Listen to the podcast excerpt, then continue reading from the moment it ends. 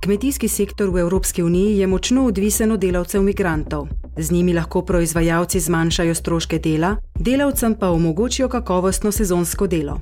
Vendar v skrajnih primerjih ta praksa vodi v izkoriščanje in zlorabo nekaterih najbolj ranljivih oseb v Evropi.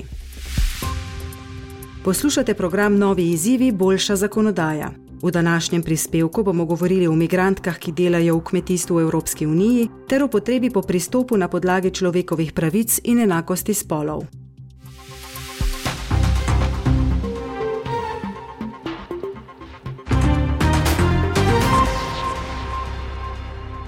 Migranti so še posebej izpostavljeni izkoriščanju, saj zaradi svojega pravnega ali ekonomskega položaja pogosto nimajo druge izbire, kot da se podredijo različnim oblikam izkoriščanja in zlorab.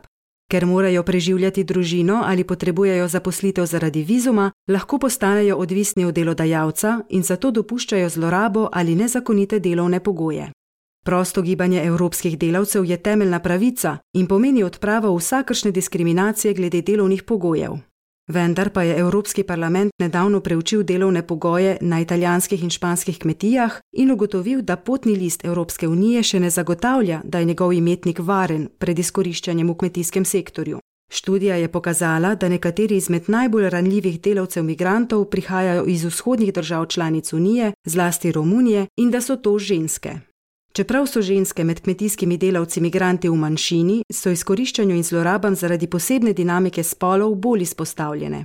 Iz omenjene študije je razvidno, da delodajalci pogosto spolno izsiljujejo romunke, še zlasti ranljive pa so delavke, ki imajo otroke, saj izsiljevalci to še dodatno izkoristijo.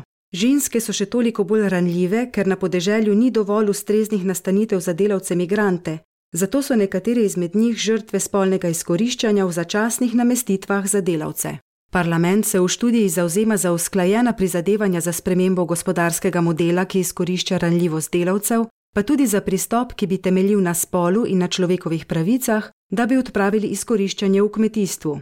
Začeti bi bilo treba z zbiranjem podatkov o izkoriščanju migrantk v kmetijskem sektorju, na to pa med drugim izboljšati bivalne razmere in dostop do pravnega varstva. Ne na zadnje pa bi bilo treba izvajati tudi učinkovitejše ukrepe za preglednost in poskrbeti za pogostejše delovne inšpekcije. Evropski parlament je v okviru ukrepov v zvezi s pandemijo sprejel resolucijo o zaščiti sezonskih delavcev. Evropsko komisijo pa pozval naj predlaga dolgoročne rešitve za boj proti izkoriščevalskim praksam in zaščito žrtev. Komisija je potem objavila nove smernice o varstvu sezonskih delavcev in napovedala nadaljne ukrepe.